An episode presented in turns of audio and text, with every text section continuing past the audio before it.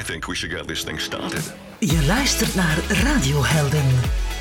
Dominique Kromme praat met radiomakers over hun carrière, hun passie en hun toekomstplannen.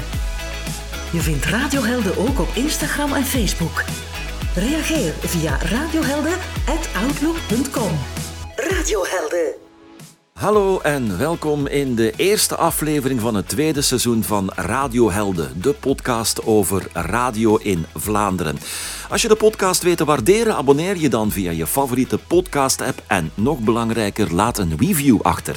Als je Radio Helden ook kan steunen, dat kan vanaf nu. Ga naar vriendvandeshow.nl slash radiohelden en laat eventueel, als je daar zin in hebt, een vrijwillige bijdrage achter. In deze aflevering heb ik Sven Ornelis te gast. Hij is al sinds 2000 bijna onafgebroken te horen in de ochtend op de radio. Achtereenvolgens op Donna, Q-Music en tegenwoordig op Joe met Anke Bukkings. Daarnaast is Sven ook actief als DJ in het land. Hij schrijft columns en boeken, heeft een eigen foodblog, de Woodbee Chef, en hij heeft sinds kort ook een eigen wijnmerk. Het was fijn om nog eens uitgebreid met Sven te kunnen praten. Geniet van deze aflevering van Radio Helden. Dag Sven. Helemaal, alles goed. Ja, dat is lang geleden dat we elkaar nog eens gezien hebben. Best wel, ja. Het is een tijdje geleden, inderdaad. Ja, want we hebben een uh, tijdje samengewerkt bij Donna. Mm -hmm. Niet zo heel erg lang, hè? Goh, hoe lang is dat geleden, denk je? Ja, dat is, uh, we hadden het er net even in het voorgesprekje over. Uh, 23 jaar geleden ben je vertrokken. Zoiets, ja. Ja, en ja, ik ben in 97 begonnen bij Donna. Ja, okay. Dus eigenlijk drie jaar. Ja, niet zo lang, ja, inderdaad. Ja. Toen deed ik, de, ah, ik deed toen de avondspits, deed ik eerst. De mm -hmm. Bumper Show. waar Erwin Dekkers producer was. Ja. En uh, toen heb ik inderdaad de ochtendshow een tijdje gedaan en vandaar kennen we elkaar. Hè. Ja, want uh, veel mensen weten dat niet. Die ochtendshow op Donna, die heeft maar tien maanden gelopen of zo. Hè? Die heeft heel kort gelopen, ja. Dekkers en Ornelis uh, is begonnen en inderdaad aan het begin, ergens aan het eind van het jaar of zo, en in, in, in november waren we, waren we al vertrokken. Was het ja. afgelopen, zijn we naar dit gebouw gekomen en gingen we weer eens een keer een nieuw stationnetje uit de, uit de grond proberen te stampen. Ja, ja. Want op die tien maanden hebben jullie wel iets neergezet, een iconisch programma in de herinnering van mensen. Ja, weet je wat er gebeurde? Is dat er, uh, wij, wij, wij zijn enorme radiofreaks, waren dat, zijn dat nog altijd, Erwin en ik. En op dat moment bestond eigenlijk in Vlaanderen dat nog niet echt zo'n ochtendshow waarin uh, actualiteit uh, op een andere manier werd besproken, zo, hè, op, een, op een luchtiger manier. waar humor een plaats kon krijgen, waar met bekende mensen werd gebeld over van alles en nog wat. En waar acties waren, grote acties. Het was toen heel makkelijk om op te vallen, want er bestond eigenlijk gewoon iets van die, wat later stunts werd genoemd, bestond niet. Dus eigenlijk alles wat we toen deden was een beetje nieuws in die tien maanden. Stonden constant in, in, in de krant. In die mate zelfs dat op dat moment de VRT uh, ons heeft gevraagd om een zondagavond televisieprogramma te gaan maken. Mm -hmm. En ik had wel wat televisie gedaan, dus ik, dacht, jeetje jongen. En dat was niet zo'n ongelooflijk succes geweest wat ik op televisie had gedaan. Maar Catnet was wel ontzettend leuk natuurlijk, maar de rest. En, en, ik, en ik dacht, wow, een zondagavond show, waar die Huizen van Wantrouwen hadden gezeten en de Schalkse Ruiters en wat is die morgen maandag. Als je dat zou mogen gaan invullen. En Erwin, die altijd al uh, iets nuchterder met de voeten mm, ja. op de grond was, die, die was daar niet zo enorm enthousiast over.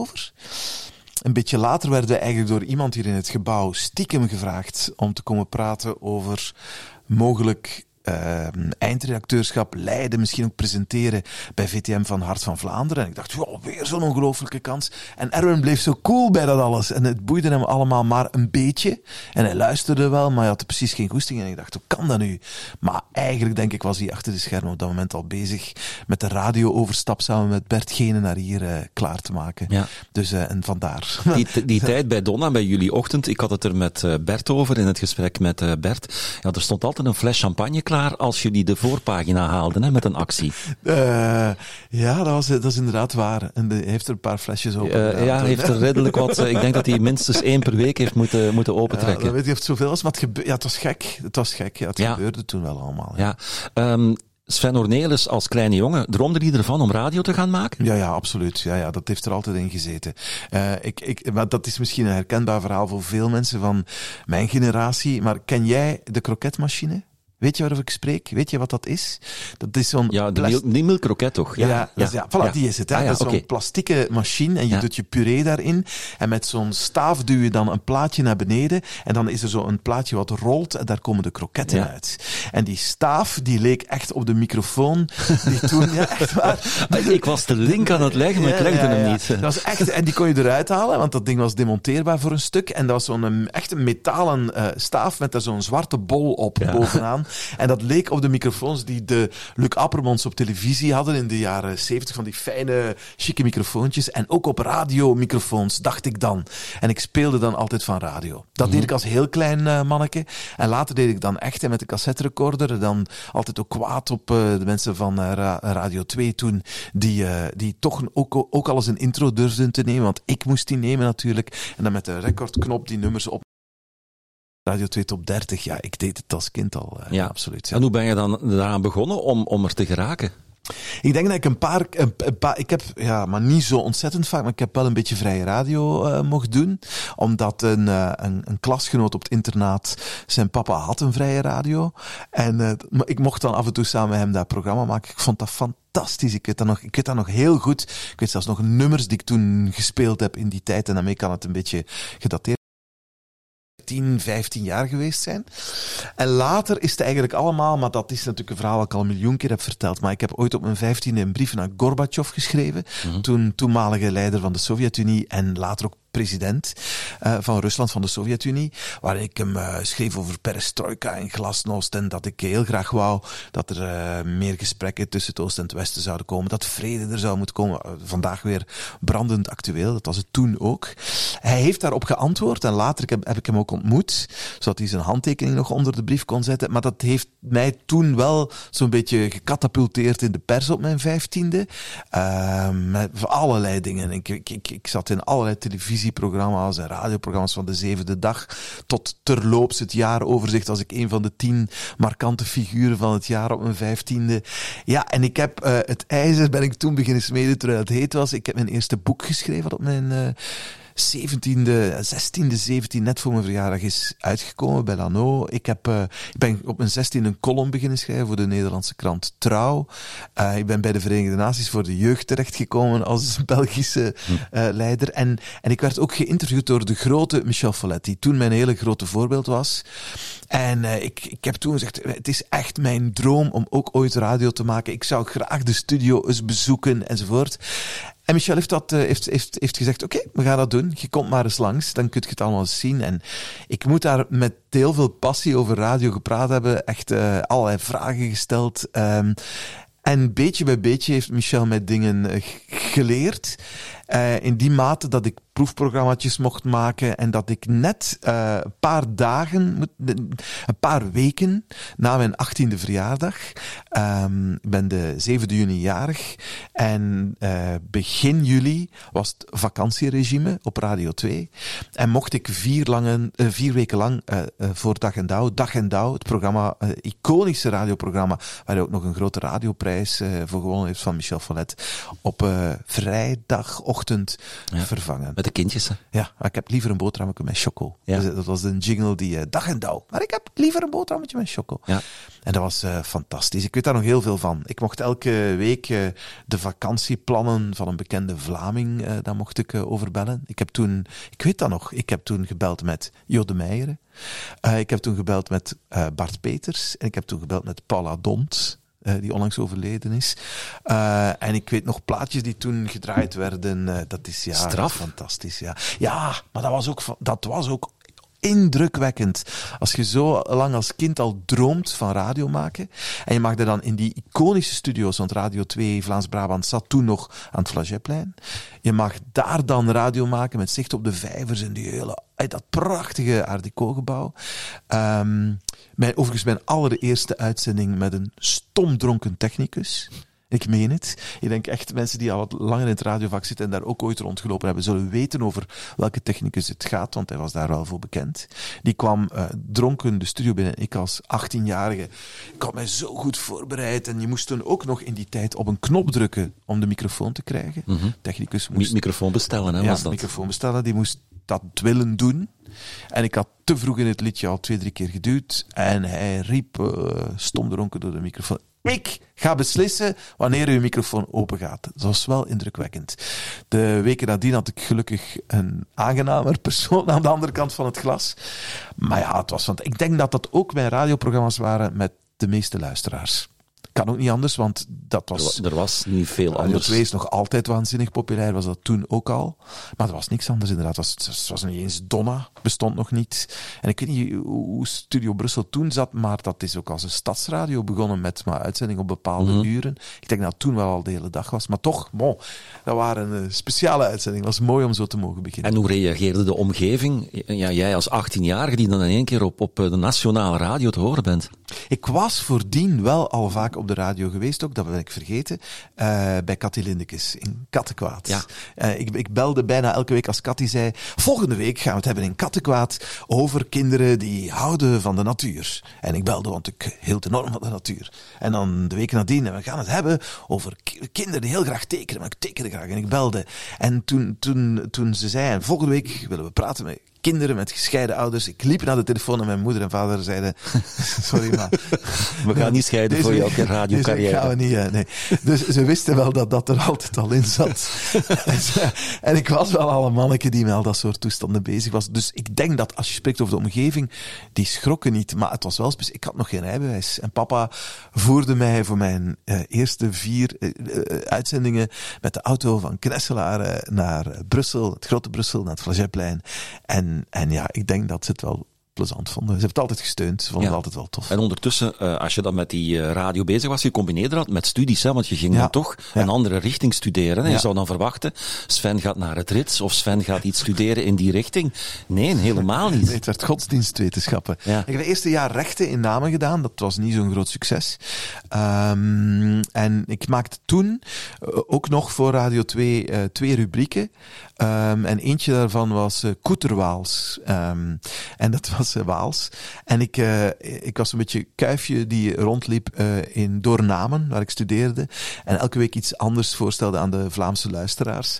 Een idee samen met Michel, zo typisch. Ook die naam, om zo daar zo een naam op te plakken. Koeterwaals. Um, en dat was eigenlijk wel leuk. Want dat, ik, ging naar de platenwinkel. Wat zijn de hits op dit moment? Ik ging naar de frituur van wat eet de Waal? in de frituur is dat anders dan de Vlaming. Hele toffe dingen daar uh, beleefd. Het was echt superleuk. En Michel monteerde dat dan, uh, maakte daar dan toffe reportages van. Maar dat, en na een jaar ben ik dan godsdienstwetenschappen gaan studeren. was ook het jaar waarin Donna is begonnen. en daar presenteer ik niet meteen. Daar had ik ook een boekenrubriek, stel je voor, in de, in de ochtend bij Michel. Maar al na één of twee maanden um, waren er al hele verschuivingen in het programmaschema. En ben ik... die eerste maanden was er een van de programma's, was, um, goh, hoe heette het? Met Jean Bosco, Safari en Sof Sofie en Safari. Sofie en Safari. Sofie en Safari was het programma. En dat moest eigenlijk een live jukebox worden. En mensen mochten liedjes aanvragen en zij zongen het dan live. Maar dat bleek toch net een beetje een te moeilijk idee om dat echt goed op niveau uh, te doen. Dus heel, heel snel werd dat programma Sofie en Safari met Sven Ornelis. En, zij deden nog twee, drie, vier liedjes uh, in de loop van het programma. En ik uh, deed ook al heel snel de zaterdag, of de, zaterdagochtend, denk ik, was Jabba Bedoe, het programma van Michel. En ik mocht dan de zaterdag dat vervangen.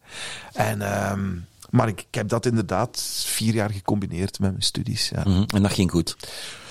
Ja, in die mate dat ik uh, eigenlijk altijd goed door de examens ben geraakt. Dat is eigenlijk perfect altijd gelukt, met, met, met, zelfs met onderscheiding verschillende keren. Maar ik heb nooit mijn thesis afgewerkt. Maar mijn ouders nu altijd, ze hebben vier jaar mijn studies betaald.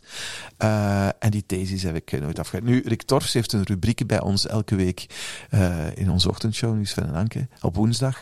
En Rick Torfs heeft al een paar keer al lachend gezegd, we kunnen dat nog altijd samen eens bekijken om een thesis ah, te ja, maken. dat kan eigenlijk nog altijd. Kan eigenlijk nog altijd. En dan, uh, maar ik heb niet zoveel ambitie meer op dat vlak, om Nee? heel eerlijk te zijn. Nee. Ook niet van, ik wil het dan toch nog afwerken. Er zijn genoeg dingen waar ik me mee bezig houd op dit Ja, ja nee, maar ja, het is misschien om je ouders alsnog terug te betalen voor die vier jaar studies die, je, die ze dan eh, betaald hebben. Ik denk dat ze wat dat betreft al op een, over een hart hebben gewreven en dat het al... eh, Ze hebben gezien dat het allemaal goed gekomen Dat is. het, ja, we maken radio ook, is het dan goed gekomen? Nee, nee, ze zijn best Ja. tevreden, denk ik. Wanneer is dan eh, ja, het, het echte verhaal begonnen bij Donna dat je daar veel meer ging doen? Wel, ik deed in de, of van ja, veel meer ging doen. Eh, Ik vond dat eigenlijk al fantastisch als je al eh, verschillende programma's per week mag doen. Dat, dat is eigenlijk, ja, weet je, als je 18 bent en je studeert en je hebt je eigen programma's, toen denk ik dat ik de dinsdagavond ook ben eh, beginnen eh, presenteren in zo'n systeem waar ook trouwens Erwin Dekkers een van de avondpresentatoren was. En, eh, maar ik denk dat het grote verhaal is, ik op de droom die je dan hebt als, als jonge radiomaker is om ooit een horizontaal programma te mogen doen, zoals het dan heette. En eh, toen eh, Erik Stilman is eh, naar televisie vertrokken, is eh Guy de Pre één dag baas geweest. Heeft Guy verteld, ja, Ja. in de podcast met Guy. Ja, maar Guy eh, mocht dat niet combineren met zelf een programma presenteren. Dat vond hij dan toch niet zo leuk. En dat is jammer, want hij is natuurlijk een van de allergrootste radiomakers die we ooit gehad hebben. Ehm, maar goed, hij is dan weer naar Radio 2 gegaan voor zijn prehistorie. En dan is Bert Gene gekomen. En Bert Gene die... Ik, ik vind eigenlijk ere wie ere toekomt eh, in een soort van duo op dat moment met Dirk Lodewijks. Hè. Dirk die toen bu- buitenstaander was, maar jingles aanleverde en een, eh, een fantastische reclameman was. En, samen zijn ze dan op de fun de hits gekomen en ook gedacht van we moeten dit hier allemaal een beetje aanpassen, ons programmaschema verjongen. En dan ben ik de Bumpershow mogen eh, gaan doen. En ik vond dat eigenlijk een fantastisch programma om te doen. De Bumpershow, de avondspits. Ehm, met allerlei dingen die, die hier eigenlijk ook nog niet bestonden op de radio. Ik, ik, weet nog goed, het, het was, het was de jaren negentig.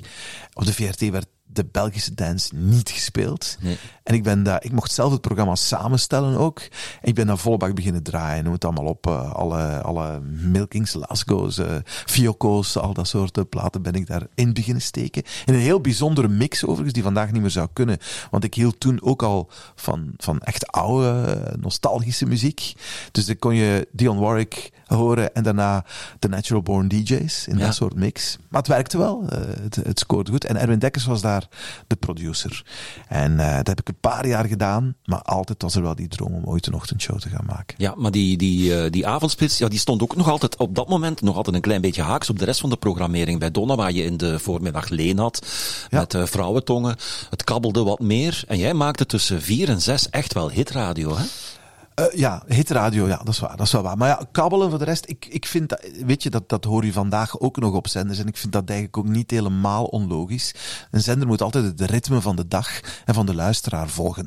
Dus dat je in office hours een ander soort radio maakt dan in spitsprogramma's, waar je, ja, waar je een ander soort stempel moet drukken. Ik vind dat nog niet zo heel erg gek. Maar je hebt wel gelijk, hitradio, dat waren we daar wel aan het maken in de spits, ja. Ja. Eh, en echt op maat van, eh, van de jonge luisteraar, hè? Ja, dat was dan wel eh, in, in de poging om inderdaad die, die jongeren ook da- daar, daar te gaan bedienen. Overigens ook in combinatie met de Prima Donna, die ik toen eh, presenteerde. Waar, eh, dat was eigenlijk een, een hitlijst die werd samengesteld door, eh, door onze luisteraars. En dat werd heel minutieus gedaan. Want het was niet van stuur nu een sms'je, bestond nog niet. Nee. Laat staan apps en dat soort toestanden. Dus hoe konden we die stemmen eigenlijk krijgen? En een van de dingen was om elke week naar een free record shop te gaan. Er bestonden toen nog platenwinkels, weet je nog wel? Ik werkte er toen. Ja, jij werkte er toen. Ja. Misschien zijn we zelfs langs geweest bij jou ooit. Een woensdagmiddag. Kon je dan woensdagmiddag gaan stemmen. En er waren twee eh promoboys die afwisselend meegingen. En een van de promoboys die toen meeging, elke week om stemmen te ronselen, is de huidige baas van Joe, is Robin Vissenakers, die ook een mooi radio eh, verleden heeft natuurlijk. En dat, ja, zo zijn we daar. Dat was dan onze, onze manier om stemmen te krijgen. Ja. En gele Eh, briefkaarten. En gele briefkaarten. En dat werd dan nog echt geteld. En dat was dan de hitparade van de luisteraar. Van de luisteraar. Op zondagmiddag. Ja. En je kon ook tijdens het programma, denk ik zelf, ook bellen bellen voor de lijst van volgende week samen te stellen. Om de lijst van volgende week ja. samen te stellen. ja. ja, die eh, bumpershow. Ik heb daar op een bepaald moment... eh, Ik ben dan eh, wat redactie gaan doen voor, eh, voor Erwin voor DOS. Dat zat voor de, Ja. de prima donna. Dat zal je nog wel herinneren, denk ik. Want je was af en toe wel ja, degene die gepest werd. Ja, ik kan me niet zo goed herinneren eigenlijk. Ja, werd ik gepest? Ja, op uitzending. Het was zo meer stekens die gegeven Oh, werden maar dat naar was, de populaire Sven. Hè? Ja, dat was eigen, eigen aan, eh, aan dat programma. Het was een beetje de, wat, wat Houtenkiet eh, deed op eh, Studio Brussel, Brussel, deed Erwin op een hele andere manier dan weer op, eh, op, op Donna. Ja, dat was wel tof. Mhm. En toen ben ik er ingerold, want toen heeft Erwin gezegd van misschien kun je wat redactie gaan doen voor, eh, voor Sven in de bumpershow. ja, dat is waar, inderdaad. En dan ben ik wat eh, dingen gaan eh, voorbereiden. Ja, we dat hebben dan spelletjes verzonnen. Welke spelletjes hebben we allemaal gedaan? Zeg eens. Eh, ik denk dat we het ultratop parcours ooit gedaan hebben. zou kunnen. Oh, kwam Erwin ook niet op een bepaald moment ehm ehm showbiz nieuws brengen? Ook, ja. Ja, ja? Ja. Ja, ja. Erwin kwam dan uh, showbiz Popnieuws nieuws. en Pop- showbiz ja. nieuws. Ja, ja. En ik weet dan nog dat ik één keer eh, mee mocht met Erwin, vooraleer ik dan eh, begon bij DOS. En dat Erwin tegen mij gezegd had, hier is de computer, schrijf maar eens wat berichten, die ik straks bij Sven in de bumpershow kan gaan brengen. Oh god, ja, ja. Wauw, those were the days. Ja, en dat waren dan ja, in die tijd nog de, de bureaus met eh, de, de tapijpleit, vast tapijt, dat ja. dan nog op de, op de bureaus was. Hè. Ja, ja, en er was geen, eh, geen landschapsbureaus. Hè. Dat deden we niet aan. We hadden onze eigen hokjes. Ik vond het eigenlijk wel tof, eerlijk Ja. gezegd. Zat je zo op een eilandje met je eigen team. Hè. Ja, eh, en, en wat ik me dan ook herinner, eh, jij was dan een van de eerste, en ik hoorde dat ook van de technici achteraf, door bijvoorbeeld dat spelletje. Ja. Je had bij, bij Donna de jingle computer, Ja, ja, ja. die in pagina's ingedeeld werd. En ik weet nog voor jouw ultratopspel dat we dan speelden, iedere dag, dat daar vijf pagina's voor gebruikt werden. Voor een spelletje van drie minuten of zo, geloof Maar ik vond dat echt fantastisch. Ik, eh, maar ik moet wel zeggen, ik was in die periode ook televisie in Nederland aan het maken. Ik deed een ontbijtshow een paar jaar op Veronica, Call TV. Ehm, en ik luisterde heel, en ik bleef dan ook het hele weekend in, in Nederland, want het is te ver rijden om heen en weer te gaan. En ik luisterde heel veel eh, naar alle Veronica's en alle zenders in Nederland die wat bijvoorbeeld jinglegebruik betreft verder stonden dan wij. In de Prima Donna is de allereerste hitparade waar zo um, overzichten met fragmentjes werd gedaan. Nu, voor radiomakers vandaag, en voor luisteraars zeker, dat klinkt allemaal heel evident. Toen moest dat in eerste instantie gebeuren. Er waren geen jinglecomputers toen ik begon. En ik wou dat echt al doen met die fragmentjes. Dat was met banden. Die, waar je, waar die, en, en dan werd dat geknipt en geplakt, echt met, sti met stickertjes, weet je, weet je nog? Ja. En, maar toen die jinglecomputer, daar was de VRT toch wel uh, redelijk snel mee, ook op, op, als je het in Europa bekijkt, met zo'n jinglecomputer, waar je dan jingles kon inladen. En, maar met die fragmentjes uh, van de hits ben ik al, als eerste dat beginnen doen. Van, maar weet je, als die jinglecomputer dan toch is, laat ons die fragmentjes inladen, kan ik zelf dat bedienen. Moeten we niet op voorhand zo sukkelachtig met banden zitten uh, opnemen. En heel veel uh, overredingskracht uh, nodig gehad om, om de technici zover te krijgen om dat te doen. Maar fijn, dan wilden ze dat dan wel doen. En dan moest ik dan elke week met al die singeltjes naar hen gaan, want ze moesten daar die fragmentjes dan inladen. En ik vond dat eigenlijk allemaal nog een beetje uh, omslachtig. En ik had al snel door hoe het werkte. En ik herinner mij één uh, moment. Hans, de technicus, wat eigenlijk wel een keitoffe gast was. En, en, en zelfs een goede vriend van mij. En, uh, en die ook in Leuven woonde. En mij nog heeft helpen verhuizen en zo. Maar Hans stond wel op zijn strepen. En misschien had hij wel gelijk ook. En ik, ik, kreeg geen studiotijd vast. We moesten dat ook reserveren. En ik wou dat al doen. En ik wou naar huis. En, dus ik begon het maar zelf even te doen in die oude oranje studio's van de VRT. dacht ik, ik weet hoe het werkt. Ik heb het al honderd keer gezien. Dus hop, ik begon het te doen. En op een bepaald moment doet Hans de deur open en zegt... Wat zijt jij aan het doen? Ik zeg, ja, Hans, ben die fragmentjes aan het inladen. Ik heb het toch al gezien. Uh, dat gaat niet gebeuren. Jij blijft de fikken daarvan af. Dat is mijn verantwoordelijkheid. Dat is ook mijn job. Ik ben een technicus. Jij zijt... Nu goed luisteren. Uh, jij zijt dun. Wat zou je gezegd hebben? Ik ben een technicus. Jij zijt dun. Culturele. Hm. Zo, zo, zo, zo was dat officieel, stond ook in de cao's, denk ik. De, ja. Dus je was aan de culturele kant, wat ik ook wel een compliment vind, want stel je voor, dat hebben ze niet zoveel meer tegen mij gezegd nadien. Um, en hij is een technische, technische kant, en hij wou echt niet dat ik het deed. Dus, uh, ja, oké, okay, hij ging boos weg. Maar ik, koppige kleine Ornelis, ik dacht, ja zeg, hey, ik doe het toch. En hij is weer de studio ingelopen en heeft op de algemene grote knop van de studio gedrukt en alles was weg. En je gaat dat nooit meer doen of je hebt een probleem. Mm -hmm. Dus ik dacht, uh, uh, uh, ik, ga hier, ik ga dat wel doen, wat maakt dat nu uit? Dus ik naar Bert.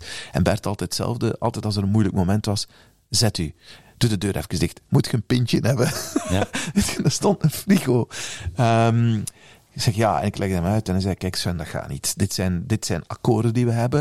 Het is ook met de vakbonden zo. Dat mag niet. Zeg maar, Bert, overal ter wereld. We mogen, het is erg dat we niet zelf ons knoppen mogen bedienen. Dat is, dat is toch middeleeuws. Waarom mogen we dat niet doen? En Bert zei: Ooit komt dat wel in orde. En ooit bleek dan later na de verhuis naar hier. Want Ja. dat was een van de punten meteen van wij willen zelf aan de knoppen staan. Super toffe en vriendelijke en fantastische technici gehad. Maar blijf toch Formule 1 rijden op de achterbank met een chauffeur. hè. En dodelijk voor de creativiteit op sommige momenten. Ja, tuurlijk, absoluut, absoluut. Soms ook wel goed voor de creativiteit. Want we hebben, ik heb eh, soms. eh, Het voordeel was.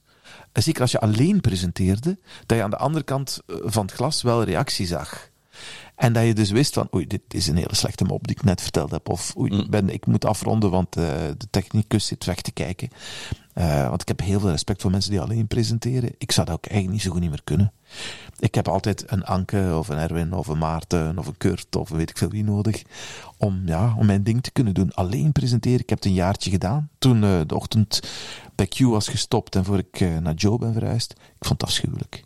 Ik kon het niet. Ik heb zoveel respect voor iedereen die het wel kan. Ja, want jullie hebben nog echt gepresenteerd met glas tussen Ja, ja. De, de studio waar jullie presenteerden en het technische gedeelte. Hè? Ofwel was het zo'n hele zware kluisdeur, ofwel was het een slang. Hè? Dan Ja, dat, ja, tegen zo de, het, eh, het- hoe noemden ze het weer? Ja, gang- ja, gang- zo hè. ja, Ja, zo. inderdaad. Je dan, als je een beetje dik was, kon je dat niet door, hè?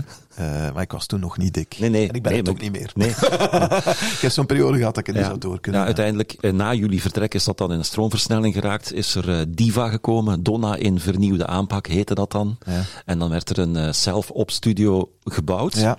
die niet mocht bediend worden Ja. door, door ons. Ja, dat is. eh, maar goed, ja, weet je, dat, wa dat waren totaal andere tijden. En, eh, maar ja, oké, we kunnen ons nu niet meer voorstellen als je weet hoe je nu radio kan maken. Ik, eh, weet je, maar ik, ik vind het fijn dat je me aan herinnert van die jingle machine, maar ik weet dat we daar inderdaad bij de eerste waren. En eh, ik denk, eh, al, al word ik honderd in dit vak, ik zal altijd vernieuwing willen omarmen, technisch zeker. Hè?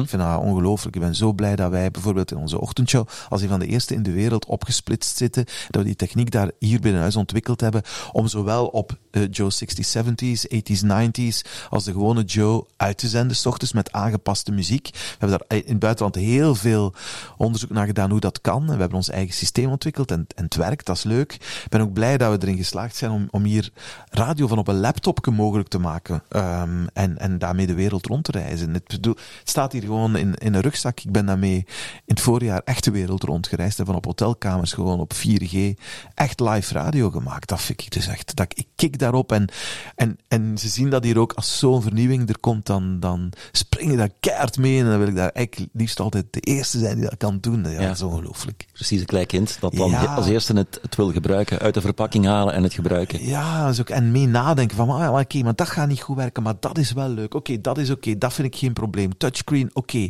En dan hebben wij zo, wij hebben zo'n laptop, eh, die eigenlijk vooral in de grafische sector wordt eh, ehm, gebruikt, waar er een extra touchscreen zit, zo net boven het toetsenbord. En daar hebben wij een mengpaneeltje gemaakt. En zo zit ik radio te maken met het instarten en met het schuiven. Het is een remote control, dus eigenlijk bedien ik hier technisch gezien eh, iets hier in Vilvoorde. Eh, maar dat dat hier ontwikkeld is door, door mensen die dat ook techn- technici, ik zeg hier, maar voor een stuk met collega's van Q Nederland, in elk geval binnen de DPG-groep is dat ontwikkeld. Met mensen die ook heel leuk vinden om dat te ontwikkelen, omdat dat ontwikkelaars zijn. En ook niet, dat ook niet zien als een job afnemen. Die technicus, eh, toen bij de VRT, Hans, Hans moet nog eens een pint gaan drinken als je het ooit zou horen, want Hans was altijd een keitoffe gast. Maar Hans, die dacht toen ook, ja, ook ten eerste, hij gaat die dingen verkeerd doen, hij, moet niet aan die knoppen zitten, maar dacht ook, terecht, dat is mijn job die wel wordt afgepakt als zij zelf gaan schuiven. Ik begrijp dat. Ehm, maar die gasten, ja, die ontwikkelt nu dit voor ons hier, eh, dit laptopje. En morgen is iets voor televisie aan het ontwikkelen, of voor eh, een van de sites, of voor de apps, of voor de kranten, of maakt niet uit. Dus die staan daar heel anders in. Hè. Ja, maar we zitten natuurlijk ook in een andere tijd. En dat, op dat tijd. moment was het ook zo, ja, binnen de VRT is dat nog altijd binnen die staatsstructuur. Tuurlijk, tuurlijk, achteraf bekeken, eh, of achteraf gezien, hebben ze ook heel veel dingen aangepast en hebben ze technici ook veel meer Tuurlijk. betrokken bij het, eh, bij het, bij het programma Terecht. zelf. Dat, was- dat was een andere tijd, inderdaad. Dat was een andere tijd. Ja, en op een bepaald moment krijgen jullie, eh, Sven eh, en, en Erwin dan, de vraag van Bert, willen jullie de ochtend doen? Erwin had een populair programma op zondag, DOS. Eh, jij had de bumpershow en deed de Prima Donna. Eh, en je hoorde toch wel een klik tussen jullie twee, dat dat misschien wel eens zou kunnen werken. Ja, ik, eh, wij, wij, wij dachten, eindelijk. we hadden denk ik, ik weet niet al, vier of vijf programmavoorstellen ingediend. We hadden het al eh, zo lang gezegd dat we het heel graag wilden doen. Dus dat eigenlijk na het vertrek van eh, Erwin Dekkers zat een muziekprogramma. Eigenlijk vooral, het was vooral music driven. En wij zijn helemaal luisteren ze overal. En eh, bij Veronica en bij 3FM, weet ik veel, waar, Hilversum 3, 3FM, ik weet niet waar, ze toen zaten in een naam. Overal BBC, over, weet je, kom aan, laat, laat ons dat doen. En eerst dachten Bert en ehm, Dirk, die dat toch ook mee, eigenlijk als buitenstaander, veel heeft gesleuteld aan, aan programma's, schema en toestanden en jingles en, en reclamecampagnes, "Mwah, ze zijn er nog niet echt klaar voor. Maar ik herinner me nog goed, toen ze ons hebben uitgenodigd voor een etentje, het was bij een, ehm, een, eh, een zeer bijzonder madame die ergens niet zo ver van de VRT een soort van huiskamerrestaurant had. En toen hebben ze gezegd, we gaan de gok wagen. We gaan proberen. Jullie mogen een ochtendshow gaan doen. Ja, wij vonden het fantastisch. Een dream come true. Dat we er eindelijk mochten aan beginnen. Ja, want Erwin was al voor een stuk betrokken bij de ochtend, want die werd vooraf gepresenteerd door eh, Johan Henneman, Johan denk heeft ik. het gepresenteerd, ja. Samen met, eh, met Birgit Simal. Birgit, hij ja, was daar producer van, Ja, dus eigenlijk was hij verantwoordelijk voor dat programma. En toen is hij het programma zelf gaan doen. Ja, ja, Ja. inderdaad. Dan zijn we het samen inderdaad gaan presenteren. In de Hoe zijn jullie daaraan begonnen? Wat was de opdracht van Bert en Dirk van dit moet het worden? Of dit verwachten we van jullie? Tja, heb je Erwin dit ook al gedaan? Of nog niet? Heb je dit gesprek al met Erwin Eh, Erwin wil niet. Erwin praat niet graag over typisch, zichzelf, typisch, zegt hij. waar, ja. Maar het gaat over radio, Erwin, dus je moet het ooit eens doen. Eh, en dan zou je mij kunnen helpen om sommige gaten te vullen. In elk geval, ze begrepen ons enthousiasme, ze begrepen onze, onze, onze brani en onze goesting om, om, om iets te gaan doen. Eh, onze zeer verschillende vorm van persoonlijkheid en creativiteit ook wel, want die hebben totaal verschillend. Ehm en ze hebben ge- gedacht, we gaan het gewoon proberen. Maar dat wij zo goesting hadden om iets anders te gaan doen en ook een beetje op te vallen met dingen die we zouden gaan doen, dat hadden ze wel door. En ze dachten dat die zender dat wel kon gebruiken. Mhm. Dus ik denk dat dat het ongeveer was in opdracht. Want het was ook wel een beetje een gok natuurlijk, want je weet het nooit hoe dat uitdraait ook op, op, op de radio. Ja, want jullie zijn dan de eerste geweest die in duo gingen presenteren. Ja, met eigenlijk mooi afgesproken rollen. Ja. Je had een nieuwslezeres, in dit geval was dat dan eh, Lies Klinkers. Lies, en er een redactie achter zitten. Hè? En een redactie achter zitten, ja, inderdaad. Ja. En, eh en weerman en weervrouw, dat soort eh, dingen waren er ook allemaal. Ja, ja het was echt, ja, het was heel goed. We hadden er heel lang over nagedacht. En, en ook hadden zo, ook zo met een klok voor het eerst gewerkt, dat je goed wist van wat zit er op welk uur enzovoort. Maar ja, we waren natuurlijk, we waren zo gefascineerd en zo'n freaks wat de radio betreft, dat we het natuurlijk overal elders al hadden zien gebeuren. We, we, we wisten hoe dat werkte. Erwin zelfs nog een tikje meer dan ik. Ik denk dat hij nog een eh, veel grotere freak was. En dat was, is later ook nog jaren hier geweest. Hè? Eh, want het was toch wel een heel bijzondere samenwerking die we gehad hebben hoor, Erwin en ik. Ja. Het was, eh, hij zal het ook toegeven, het was ook niet altijd evident. Binnen de structuur van de VRT. Binnen wou je onze samenwerking. Ah, Nee, binnen, onze samenwerking. Ja, we zijn zo verschillend van aanpak. Ehm, bij, en zeker in die tijd, eh, bij Erwin, we waren altijd wel freaks, hè, maar bij Erwin lag de lat zodanig hoog dat hij eigenlijk ook nooit gewoon tevreden kon zijn met wat er was. Ik, ik wou wel eens een keer af en toe gewoon zeggen, "Hey, goed gedaan of zo. Dat, eh, dat bestond niet bij Erwin. Eh, en ketste dan ook heel veel dingen altijd af. Voordeel is dat ik nogal superveel ideeën zomaar eruit kan smijten. Die iedereen weet dat hij mij kent, maar ze zijn niet allemaal even goed. En Erwin die zei dan, oh, nee, niet goed. En, en, en niet goed. Nee, dat gaan we niet doen. Nee, niet goed. Niet goed. Niet goed. Ah, dat is misschien wel iets. Maar we moeten het zo en zo aanpakken. En dat was de dynamiek die meestal werkte tussen ons. Zo heb ik het ook ervaren. Bij Erwin was het vaak zo dat je honderd ideeën eh, naar, hem, eh, naar hem bracht op een eh, stapeltje en dat hij er één uitpikte en die zei hier gaan we mee doen en de rest gaan we weggooien. Hij had wel meestal gelijk. Ja. Hij had wel meestal, dat is ook tambetante, dat is ook tambetante aan Erwin Dekkers. Want zo'n kieskeurige mens. Eh, maar hij had dan ook bijna altijd gelijk. En ik verdomme toch, hij kent het en hij voelt het en hij weet wat het is. Het is echt zonde dat die man geen radio meer maakt en zelfs geen podcast wil doen. Ja, welke ik acties... probeer een beetje te helpen, maar het zal niet Nee, werken. het zal niet werken. Ik eh, ken Erwin lang genoeg. Eh, welke acties eh, schieten je nu onmiddellijk te binnen waarvan je zegt van hier hebben we wel iets neergezet op dat moment. Het is misschien te lang geleden, Sven. Maar het rare is dat dat in dat eerste jaar moest je eigenlijk echt niet zo ontzettend veel doen. Om, uh, om, om pers te halen of om te zeggen, oh, luister wat die daar aan het doen zijn. Die ideeën doen alle zenders nu op dit moment. En je haalt er nooit geen pers meer mee. Ik bedoel, toen we hier kwamen moesten we echt in vliegende en draaiende studio's en zo gaan zitten. En dat was ook een superleuke periode. Maar weet, een van de dingen die we gedaan hebben, was het simpel spelletje van een appel en een ei. Ja. Uh, wat het, het Giro-spel eigenlijk. Het Giro-spel, ja. En dat nooit had op radio of televisie gedaan. Maar wij zeiden, hey, dat is misschien wel leuk om te doen. En toen zijn we in één maand tijd zijn we van een appel en ei naar een auto gegaan. Mm Die we dus uh, ja, zo geruild en geruild en geruild en naar een auto gegaan. Dus dat was fantastisch. We hebben toen ook een boekje geschreven met onze luisteraars. Uh, Wormpje in Wappieland, denk ik. En, en dat is, begon met één onnozel zinnetje dat we echt op een brainstorm kom maar nee, niet dat. Hey, honderd zinnetjes had ik verzonnen. Erwin zei, dat is een goed zinnetje. Zal zo gegaan zijn. En de luisteraars mochten daar telkens een andere zin aan toevoegen om een verhaal te maken. En dat is toen echt een heel goed verkopend kinderboek geworden. Ja, dat, dat zijn zo een paar dingen die we gedaan hebben. Ik weet ook nog dat we probeerden Donna-stickers te kleven op onmogelijke plaatsen. En dat we dan, of we dan heel stoer, ook ingekleefd hebben op de deur van het gebouw van VTM. En zo. Weet oh, oh, live. En uh, ja, ja, kijk. Ja, ja. Uh, waren jullie je bewust van de impact die dat programma had op dat moment? Weet je, je zag bepaalde dingen wel, hè. Allee, je zag bepaalde dingen en als je, als je zoveel pers haalt en als dan, als mensen zeggen, maar kijk zo daar uh, wat die allemaal aan het doen zijn.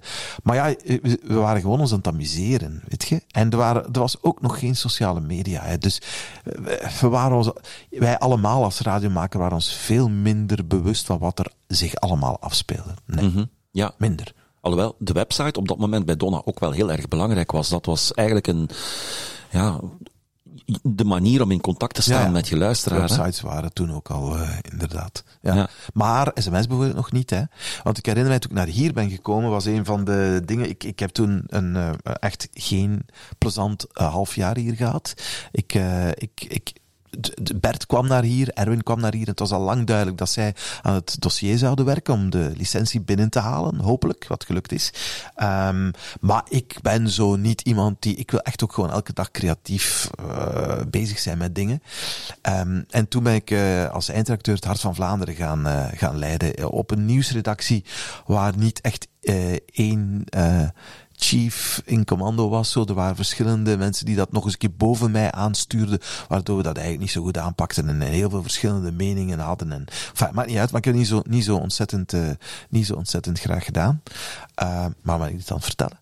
Uh, over ja, het bewustzijn ah, van... ja, sms. SMS, SMS ja, ja, dat was het. En toen ben ik uh, uh, eens een keer een weekend naar L.A. mogen gaan. Alleen een paar dagen naar L.A. Uh, om bij Dan O'Day, dat was toen een, een van de grootste consultants, zeker rond ochtendradio, uh, zo'n een cursus te gaan volgen. Hoe maak ik een ochtendradio? Hij heeft trouwens ook hele goede boeken geschreven, die ik niemand wil aanraden, zeker niet als het concurrenten zijn. nee, echt goede boeken. Um, en, uh, en hij zei daar op een bepaald moment, Um, we moeten goed kijken naar de toekomst en dingen die gaan gebeuren, zei hij. zegt, ik ga u iets zeggen waar iedereen van de hele wereld gaat van uh, denken van, wat is dat voor iets raars? Maar in Europa is er nu iets aan het gebeuren op dit moment. Zijn hier mensen uit Europa? Uh, wie zijn, hij wist het wel. Wie zijn hier uit Europa? Wij, vinger opsteken. SMS zei uh, dat, is zo, dat zo 160 tekens die je kan sturen op je mobiele telefoon. Maar dat is natuurlijk, wij denken allemaal, dat is belachelijk. Want een telefoon dient om mee te bellen en niks anders. En die 160 tekens, die, die zijn ze nu aan het ontwikkelen, dat je dus in Europa ook een berichtje kan sturen. En iedereen lachen, lachen, lachen. Want waarom zou je een bericht sturen als je iemand kunt bellen? En hij zei, ja, dat gaat de manier worden om te communiceren met de media.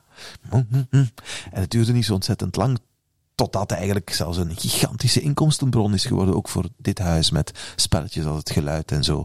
En, en ook een manier om te communiceren uh, uh, met mensen. En dat we nog wel wat andere dingen met onze telefoon ooit zouden kunnen doen, ja. dat is wel gebleken. We gaan het eens over die, uh, die overstap hebben. Ja, na tien maanden is de ochtendshow bij Donna afgelopen. Sven en Erwin en Bert, die waren al in gesprek om naar hier te komen. Blijkbaar. Ja. Um, jij wist daar dus op dat moment ook niks van. Nee. Hoe groot was de verrassing toen je het zelf vernam? Goh, ik weet niet of ik dat eigenlijk ooit al heel eerlijk verteld heb hier. Ik denk het eigenlijk niet. Dus dit zou wel eens een keer een primeur kunnen zijn. Maar ik wist het wel een beetje op voorhand. Dus toen het nieuws eigenlijk kwam dat, uh, ik, denk dat Erwin mij op een bepaald moment, maar niet zo lang ervoor, ik denk twee, drie dagen ervoor, uh, heeft hij mij meegenomen naar de, naar de Chinees, vlak bij de VRT. Kent je die nog? Zo'n straatje verder, zo'n hele nee. goedkope meeneem Chinees heeft gezegd, ik heb eigenlijk wel redelijk groot nieuws. Uh, we gaan vertrekken bij de VRT. Ik zeg, we? Ja, zei um, uh, Bert.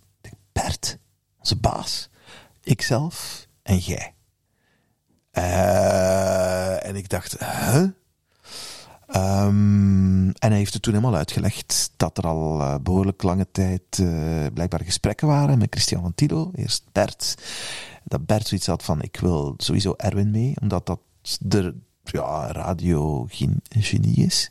En eigenlijk ook wel de ochtendshow zou ik graag mee willen. En um, wat weet je, waanzin was dat we dat ook, dat zij dat overwogen, omdat ja, Donna zat op een ongelooflijke, fantastische golf. Luistercijfers die eigenlijk nooit meer uh, evenaard werden. Um, de ochtendshow, ja, je hebt net het verhaal helemaal verteld.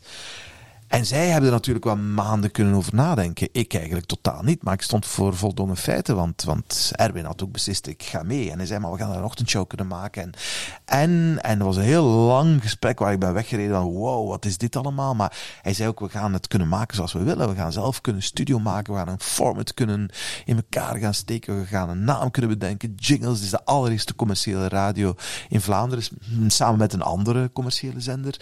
Ik bedoel, het is een unieke kans we mogen die gewoon eigenlijk niet missen. Um, maar oké, je hebt de keuze om het te doen of niet. En, en heel eerlijk, uh, ik voelde dat ook wel meteen, maar het was bijna vandaag of morgen beslissen of zo. Hè.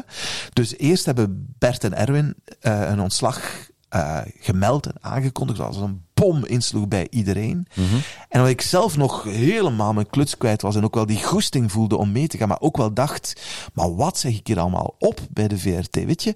Uh, ze waren aan het overwegen om onze zondagavond televisieprogramma er nog eens bij te geven. Die ochtendshow bolt goed, maar ja, oké, okay, die gaat nu niet meer bestaan, want Erwin is weg. En ik maak heel graag radio met Erwin en Bert is natuurlijk een fantastische baas. En het was echt super moeilijk. Um, maar, maar toen ben ik eigenlijk de dag nadat zij aangekondigd hebben dat ze weg eh, zouden gaan, ben ik helemaal stiekem hier uh, via uh, de, de, de garage hier binnengereden. Ben ik ontvangen door Bert en die hier rondliepen, uh, door Erik Klaas, die hier toen de grote baas was, en door, door Peter Bossaert, die radio zou gaan leiden. En hebben ze mij getoond waar het zou zijn en allemaal. En het rare was dat bij de VRT eigenlijk super traag werd gereageerd. Dus eerst kwam dat binnen dat nieuws dat zij weggingen. En, en snel werd wel, ik denk Marcoene aangesteld als, als, ja. als baas. Maar niemand van de VRT dacht op dat moment, we moeten misschien toch eens denken of we Sven hier willen houden of niet. En, en zelfs toen ik daar rondliep die dag, werd ik zo'n beetje getroost door iedereen. Van, en wat nu voor jou? Wow, ze zullen misschien nog wel iets vinden. En ik wil mijn, mijzelf niet uh, overschatten of belangrijker maken dan, dan ik ben. Maar het is wel heel erg raar dat op zo'n moment niemand van de radiobazen of, of misschien Bert de Graven, die toen nog baas was, misschien zou, zou ook wel kunnen gedacht hebben, maar misschien kunnen we met die gast nog wel iets doen en moeten we zo zorgen dat die niet meegaat om daar een ochtendshow te gaan maken. Kijk, ja... T, de passie van Erwin en, en Bert voor dit verhaal, de kans om een commerciële radio te gaan maken, um, het enthousiasme waarmee ik hier ontvangen werd uh, in, in de gebouwen, um, tja, alles samen. En, en de nulreactie van de VRT, ook de komen de 24 uur nadien, die ik, met, die ik toen nog gevraagd had om erover na te denken. Ja, ik heb getekend en ik ben naar hier gekomen. En voor alle duidelijkheid, super belangrijk. En achteraf denk ik, maar stom kieken. Niet voor het geld, hè. Want dat maakte eigenlijk totaal nauwelijks verschil. Er kwam een auto bij. Een kleine auto kwam erbij. En dat was het ongeveer. Dus het is helemaal niet. Het was echt voor, voor het avontuur en voor het vertrouwen in, in, in, in, Bert en, en Erwin. En dat, mm -hmm. dat is het eigenlijk geweest. Ja. En ook wel een klein beetje ontgoocheling. Dat er ook niemand toen dacht van.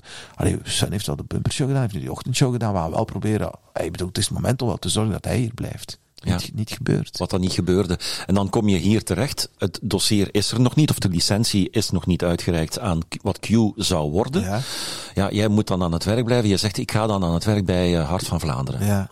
Ja, ja, oké. En daar zaten ook wel eh, toffe dingen aan. Hè. Ik heb dat ook wel voor een stuk graag, graag gedaan. Ik wil nu niet zeggen dat dat, dat dat alleen maar ellende was. Ik mocht daar ook mee creatief van alles verzinnen. En dat scoorde ook eigenlijk echt goed, dat programma op televisie. Eh, ik werkte met heel leuke, creatieve mensen, waar ik sommige, sommige nog echt contact mee heb. Robin heeft daar ook gewerkt. Robin Vissenaak is onze baas. Ehm, dus we voelden wel dat we goed konden samenwerken. Ik leidde toen, hij was mijn reporter. Nu zitten we in een omgekeerde rol, zo gaat dat in de media. Ehm, dus dat was Sava wel, maar ik snakte natuurlijk naar het maken van radio en dat deed ik zo graag. En wat wel tof was, is dat ik op alle cruciale strategische momenten was ik er ook altijd bij. Dus ik, ik heb ook mee de Q eh, gekozen en de Q Music en daar waren we het allemaal over eens en mee profiel mogen bepalen enzovoort enzovoort. Dus gelukkig was ik daar wel, wel bij, bij betrokken. Ja, maar oké, maar goed, ik was wel eh, heel blij toen we ooit echt mochten starten. Ja. En dan komt het moment dat jullie eh, een, een groen licht krijgen van de regering om ja, de zender helemaal op te starten. Ja. Studio's bouwen, zenderpark uitbouwen. Ja. En vooral ja, eh, een format verzinnen. En wat gaat die zender worden? Ja. Daar word je dan, eh, ja, zeer, daar ben je dan zeer nauw bij betrokken. Ja, absoluut. Ja, absoluut. En het was eigenlijk van in het begin wel duidelijk, maar dat hadden ze natuurlijk ook wel een beetje kunnen vermoeden, iedereen, op het moment dat Bert Genen, Erwin Dekkers en, en, en ook ik naar hier komen, dat het niet de VTM radio zou worden waar bijna alle VTM-gezichten van dachten, als we ooit een radio kunnen maken, moet het dat worden. Tien om te zien Tien radio. om te zien radio, had iedereen gedacht. Ehm, en dat werd het niet. En dat had natuurlijk ook wel te maken met, het, eh, met de slimme mens die Christian Wantido ook wel is, zeker op commercieel vlak. Die ook wel wist van ja, daar kunnen we centen verdienen. Daar kunnen we advertentieruimte op verkopen, op wat die gasten gaan proberen in elkaar te steken. Viel overigens best wel tegen hoor, want we zijn echt gestart met hele lage luistercijfers. Als je het vergelijkt met, eh, met, met wat we hadden, zeker bij Donna, die hè, dan zo, oh, en die show en iedereen zal overstappen, gebeurde niet hè. Dat Nee. gebeurde niet. Ik had het er met eh, Bert over. Ik Dat denk dat in, de beetje, standaard, eh, dat in de standaard een artikel stond na een jaar. Q-Music, grote flop. Grote flop hè. Ja, Met hè. 2,7 procent marktaandeel. cijfers, Ja. ja. Maar daar hadden we ook weer het voordeel, en ik ben, eh, ik ben en blijf hem daar heel dankbaar voor, oprecht, eh, Christian Mantilo, die op dat moment wel al wist hoe cijfers gemaakt worden. Ehm, hij had namelijk al eens een paar keer met zijn kranten zoiets voor gehad, met het laatste nieuws. Op een bepaald moment werd er, eh, ik weet niet jaar dat was voor onze overstap aan, aan het laatste nieuws, enorm gesleuteld. Met succes. Want hij zag in zijn verkoop van de krant, in zijn abonnementen, maar ook in zijn losse verkoop, dat die door het dak ging. Dat die echt groeide tot en met. Hij- Ja, hij, als een krant verkoop je. Je weet dus hoeveel je er verkoopt. En dat steeg en steeg en steeg en steeg. En in de sim gebeurde er niets. En dat duurde ik weet niet hoe lang, dan, dan moet je maar eens met Christian eh, de podcast doen. Maar dat duurde lang, voor hij dat ook zag in de sim. Omdat sim is toch een soort van populariteitspol. Dat weten wij allemaal. Die cijfers moeten we altijd met een korrel zout nemen. En die zijn op de lange termijn wel juist natuurlijk. Maar als je een keer een beetje zakt of een beetje stijgt, dan je voelt dat zeker met jongere collega's, dan is er euforie of verdriet. Maar alsjeblieft, ik bedoel, na 30 jaar met cijfers omgaan, weet ik, doe dat niet, weet je. Eh, wees blij natuurlijk als de trend goed is. Dat is heel belangrijk, die trend. En, dan gaat het niet eens over maanden, dan gaat het over jaren. Als die goed is, dan voel je wel, oké, een zender als Joe zit nu op dit moment heel erg in zijn sterkte en dat soort zenders doen het nu goed, omdat net jongere zenders als in Studio Brussel het nu wat moeilijker hebben, omdat luistergedrag aan het veranderen is. Oké, dat klopt wel. Maar enfin, het, het, was, het, het, het ging zeer, zeer, zeer traag voor Q-Music. En toen was er niet alleen de standaard, maar natuurlijk ook al die mensen bij VTM die gehoopt hadden op een eh, tien om te zien zender. Die zeiden van, zie maar, bewijs is daar. Je had een gewone populaire zender moeten maken met al uw televisiegezichten en alleen maar Vlaamse muziek spelen. En dat had gewerkt. Maar, en toen hadden we nog ehm, het bijkomende voordeel, want dat is eigenlijk wel de katalysator geweest, dat we op een bepaald moment nieuwe frequenties hebben gekregen. Want we zijn begonnen met rotslechte frequenties ook. En in de tijd dat ja, we alleen FM hadden, waren slechte, waren slechte frequenties natuurlijk, ja, dan kon je gewoon niet groeien. Als je altijd maar kraak hebt, blijft trouwens voor Joe nog altijd ons grootste nadeel vandaag. We hebben gewoon op FM hele slecht. De slechtste frequenties. slechtste frequenties hebben wij van alle nationale zenders. Um, gelukkig is dat nu beetje bij beetje minder belangrijk aan het worden, omdat digitaal echt wel aan het doorbreken is. Maar die twee dingen samen, het concept moest aanslaan, dus de manier op de sim, uh, gemeten werd, namelijk met dagboekjes. En het derde ding, als de frequenties slecht waren, zorgde ervoor dat het niet goed was. Maar op het moment dat dan die sim op zijn positieve kwam en mee was met het verhaal, en dat de frequenties kwamen, ging het plotseling ontzettend hard voor Q-Music. En, ja. ja. en het voordeel daarbij is dat je dan in die periode dat het nog niet echt heel goed beluisterd wordt, dat je het dan echt kan gaan sleutelen en het naar een product kan brengen van, hier ben ik bijna 100% tevreden over. Ja, en ook denk ik dat daar door uh, alle hulde aan, uh, aan, aan, aan Erwin en aan Bert, dat daar strategisch wel sluw gespeeld is. En het is een les die ik altijd ga onthouden wanneer je verschuivingen in de markt ziet. Je zou ook nog wel herinneren. Ik weet niet hoe het binnenkwam bij de VRT, waar jij nog zat. Maar wat wij deden, en zeker in die beginperiode, maar ook op het moment dat, dat, dat Q al goed aan het groeien was en dat er ongerustheid kwam, denk ik, bij de VRT, was dat wij eigenlijk um, best wel R&B en, en zo'n toestanden daarin staken. Omdat je een ander geluid moet laten horen. Maar dat was niet de reden waarom Q-Music zo'n succes was. Alleen, het heeft denk ik wel op een bepaald moment de mensen bij Donna ook een klein beetje op het verkeerde been gezet en gedacht, wij moeten dit ook gaan doen. Want mm. kijk eens, dat is een succesverhaal. En dat is wat. Uh, en op het moment dat er bij, de, bij Donna werd bijgesleuteld in die richting, en dus de trouwluisteraars die wel gebleven waren, dan waren er nog altijd ongelooflijk veel. Dachten, maar wat is hier met onze zender aan het gebeuren? Wat zijn die nu aan het doen? zijn wij aan de andere kant daarmee geminderd. en zijn we dus eigenlijk in luistercijfers langs, langs rechts voorbij gestoken eigenlijk. Heel ja, simpel. Want ja, ik, ik, werkte er toen op dat moment. En uh, ja, dat klopt wat je zegt, dat er ook vaak kopieergedrag was van Q doet een uh, hitparade op vrijdag. We gaan ook een hitparade doen op vrijdag. Naast doen, die op zaterdag en de primadonna op zondag. Ja. En dat moet je niet doen. Je moet in je sterkte blijven. Want het is nog mm -hmm. altijd een super sterke grote zender. Maar ja, ja, het is uh, stiekem wel in het voordeel van, van, van Q geweest uh, op, op dat moment. Tot, de, tot, tot het moment, dat weet ik nog goed, er worden hier geen cadeautjes uitgedeeld uh, in dit bedrijf. Dus, maar ik weet wel nog op het moment dat, dat we ooit Donna zijn voorbijgestoken toen uh, is er een kistje wijn geleverd uh, bij Erwin, bij Bert en bij mezelf door, uh, door Christian. Dat weet ik nog goed. Dat is goede ja. wijn. Dat is goede wijn. Wat kan je je nog herinneren van de eerste uitzendingen? Zijn die ook zo helder als je eerste uitzending bij de, bij de toenmalige BRT2? Ja, superhelder. En dat komt omdat wij dat, dat was eigenlijk wel een, een tof ideetje. Wij moesten, je start op een bepaald moment. Maar de start is altijd slecht. Want verdomme, dat is nog niet klaar. En daar is, oh kijk daar, oei, daar is een probleem. Mensen hebben je nog niet gevonden, niemand luistert. Want het is stil op die frequentie. Dus dat is, hoe stom is dat? Dus wij hebben 48 uur testuitzendingen gedaan. 48 uur aan een stuk. Uh, en dan ging ik eens een uurtje slapen en Erwin eens twee uurtjes slapen. Eigenlijk uh, marathon radio letteren. En wij dus 48 uur. En, en dat was ook zo. Dit zijn de testuitzendingen van Q-Music. Uh, maandagochtend om 6 uur of 7 uur, weet ik, weet ik niet meer, uh, begint uh, een nieuwe zender op deze frequenties. Hoor je ons al? Laat het ons weer. En dat soort toestanden. Maar ik waren gewoon al radio aan het maken met de muziek die we zouden draaien. Mm -hmm. Met al telefoontjes erbij. Dus ja, ik denk dat dat wel slim was. Ik denk dat het heel slim was. Toen kon je echt om 6 uur, dat was 6 uur, uh, die, die, die ochtend echt starten. Op ja. een goede manier, weten dat dat al overal werkte. Erwin heeft mij achteraf wel gezegd dat, hij, dat hij het nooit meer zou doen. Nee, nee, maar ja, we hebben nog zo'n dingen gedaan die we nooit meer zouden doen. Waarom zou je het niet meer doen? Omdat het te zwaar was. Omdat het te zwaar was, ja. Je zit natuurlijk naar een zender op te bouwen waar je ongelooflijk veel tijd hebt ingestoken. En dan moet je aan een ochtendshow beginnen. Ja, ik weet het, maar ja, bon. Ja. Ja, en jullie stonden daar ook onbekend op dat moment om zeer grote acties te doen hè, bij, ja. bij Q. Hè? Ja.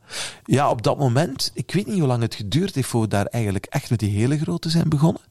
Um, want um, ik denk eigenlijk dat de hele, hele grote pas zijn gekomen toen Kurt erbij kwam. Omdat Erwin, uh, kijk, Erwin doet niet graag interviews, maar Erwin wil ook niet altijd per se zo in de belangstelling staan. Uh, en en zo'n stunt draaide toch vaak rond het opsluiten van een DJ of, of, of, een DJ wandelt, zoals wij gedaan hebben van Oostende naar, uh, naar Hasselt in een sponsortocht of weet ik veel wat.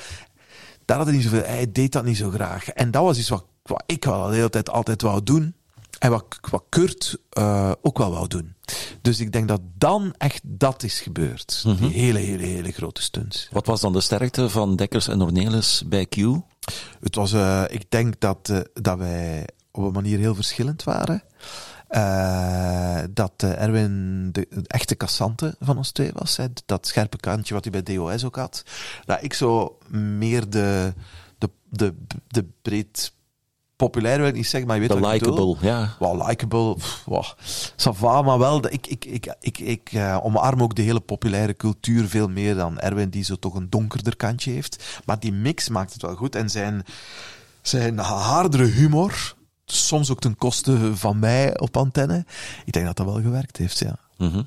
En, en Maite zat er dan ook bij, en hè? Maite natuurlijk, hè. Zij, uh, maar was Maite er van het eerste moment bij? Dat denk ik niet, maar al snel werd dat rol groter. Ik, toen we voor een, ik weet het niet 100% meer, sorry Maite als ik het niet meer weet, maar en Maite was inderdaad ook wel een hele toffe factor, want zij was dan nog eens een keer de hele zachte, uh, warmer uh, nieuwstem die erbij kwam. En zij, ja, ze was ook zo'n beetje van, oh, oh, wat zegt je nu? Dat wel mm -hmm. een klein beetje Maite. Ja. En dat was goed, want dat, dat is daardoor ook een beetje stem van luisteraars, zoiets, die, die ook misschien iets hadden van, oeh, dit is nu wel een klein beetje heel scherp. Ja, uh, in de loop van de jaren dat de ochtendshow bij, uh, bij Q liep, is Q Nederland erbij gekomen, waar Erwin dan ook nog een keertje baas was. Ja. Hij was baas in België. Nederland deed er een ochtendshow bij. Ja. Ik kan begrijpen dat dat niet evident is om dan een programma te maken. En ik vermoed dat hij dan vaak op jou moest terugvallen om het inhoudelijk te bekijken. Het was heel vermoeiend voor hem. Maar het was best wel frustrerend voor mij ook. Omdat, um, wat ik al eerder heb gezegd, ik heb altijd heel veel ideeën. Dus ik kreeg dat programma qua ideeën altijd gevuld. Maar, en hij was met andere dingen bezig. Ik moest tussendoor afchecken van, weet je, dit een goed idee, goed, geen goed idee. De ene dag had hij tijd daarvoor, de andere dag niet. En hij was ook niet altijd hij was heel vaak niet tevreden met de, met de, met de dingen die, die ik gekozen had. Um, en dat was best wel moeilijk of zo. En, en, hij, zal, en hij legde de lat ook altijd zeer hoog. Misschien legde ik ze soms wat te laag in zijn uh, oog. In zijn ogen. En misschien ook wel zelfs in realiteit, want ik heb daar veel van geleerd. Uh, van altijd, mm, zet je zeker, denk nog eens even, even verder na, enzovoort.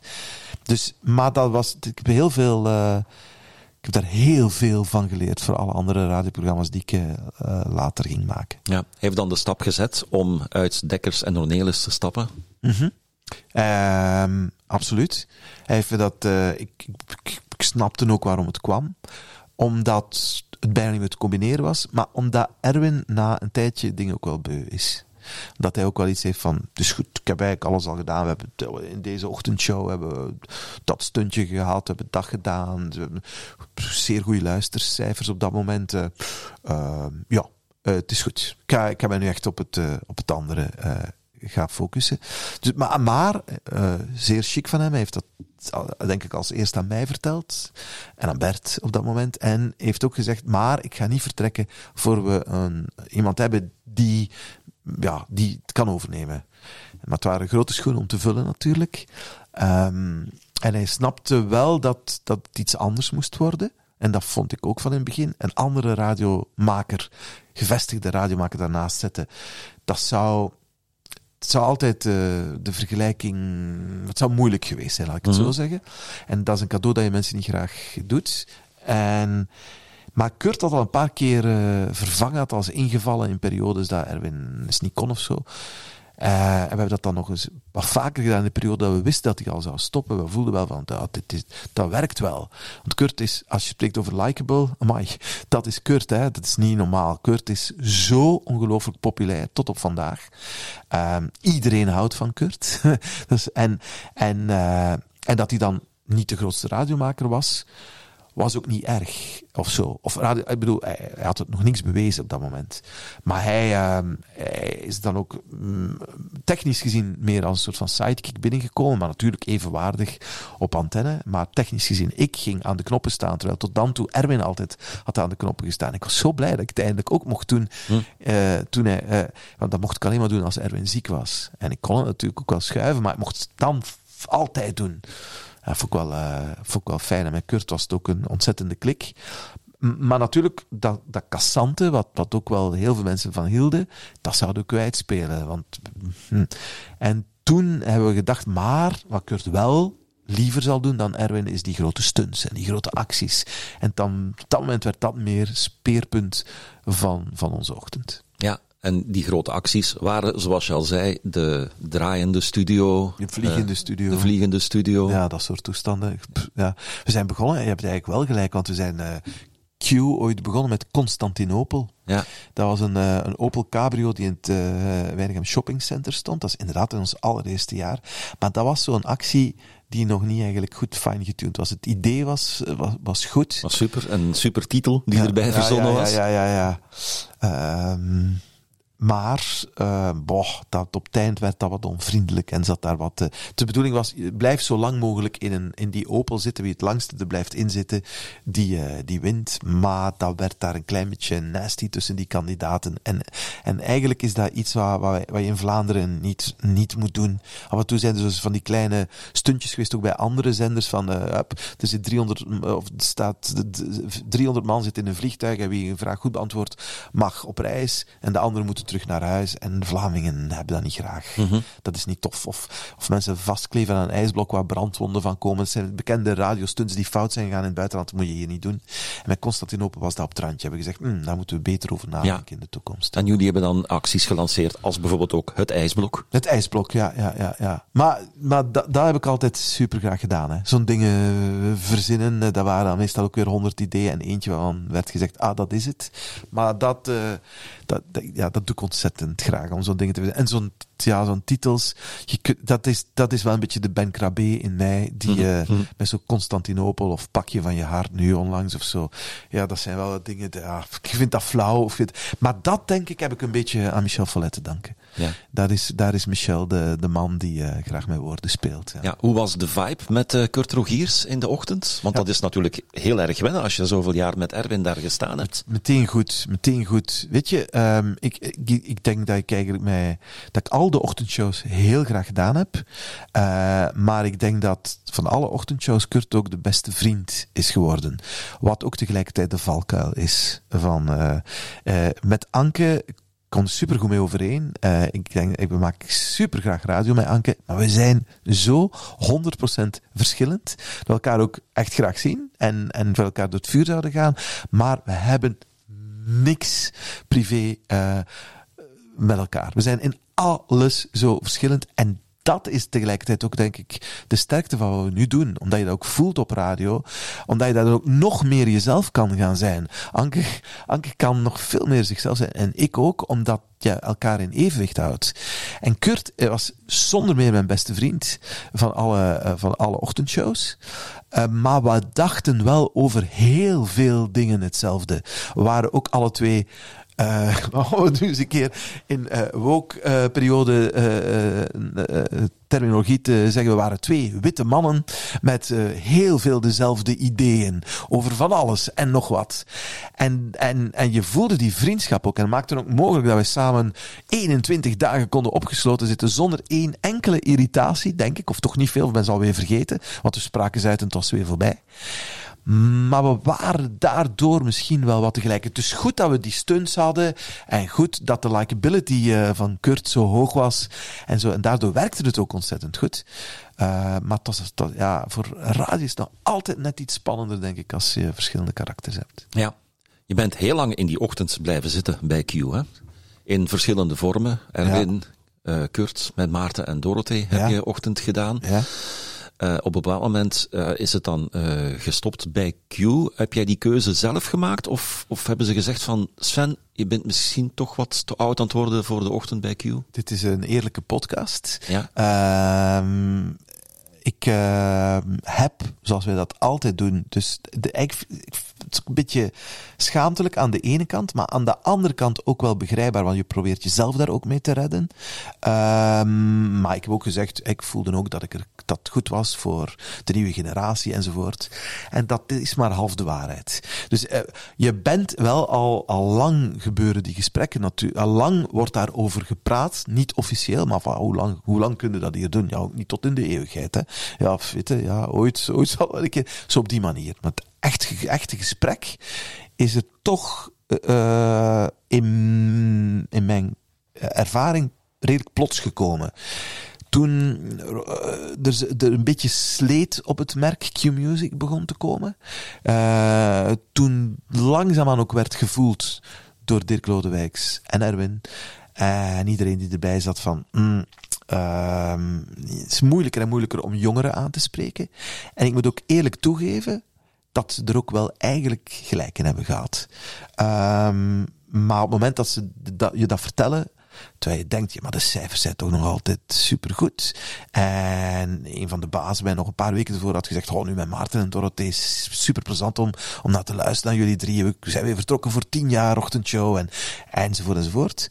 Um, dus op het moment dat dan toch in jouw naam die beslissing wordt genomen, het is heel jammer, maar we gaan er toch mee stoppen met jou in de ochtend, dan komt dat echt uh, als een, ik weet niet wat allemaal, dweil in je gezicht, als een bom in je leven. Mm Want ik deed het nog zo ontzettend graag.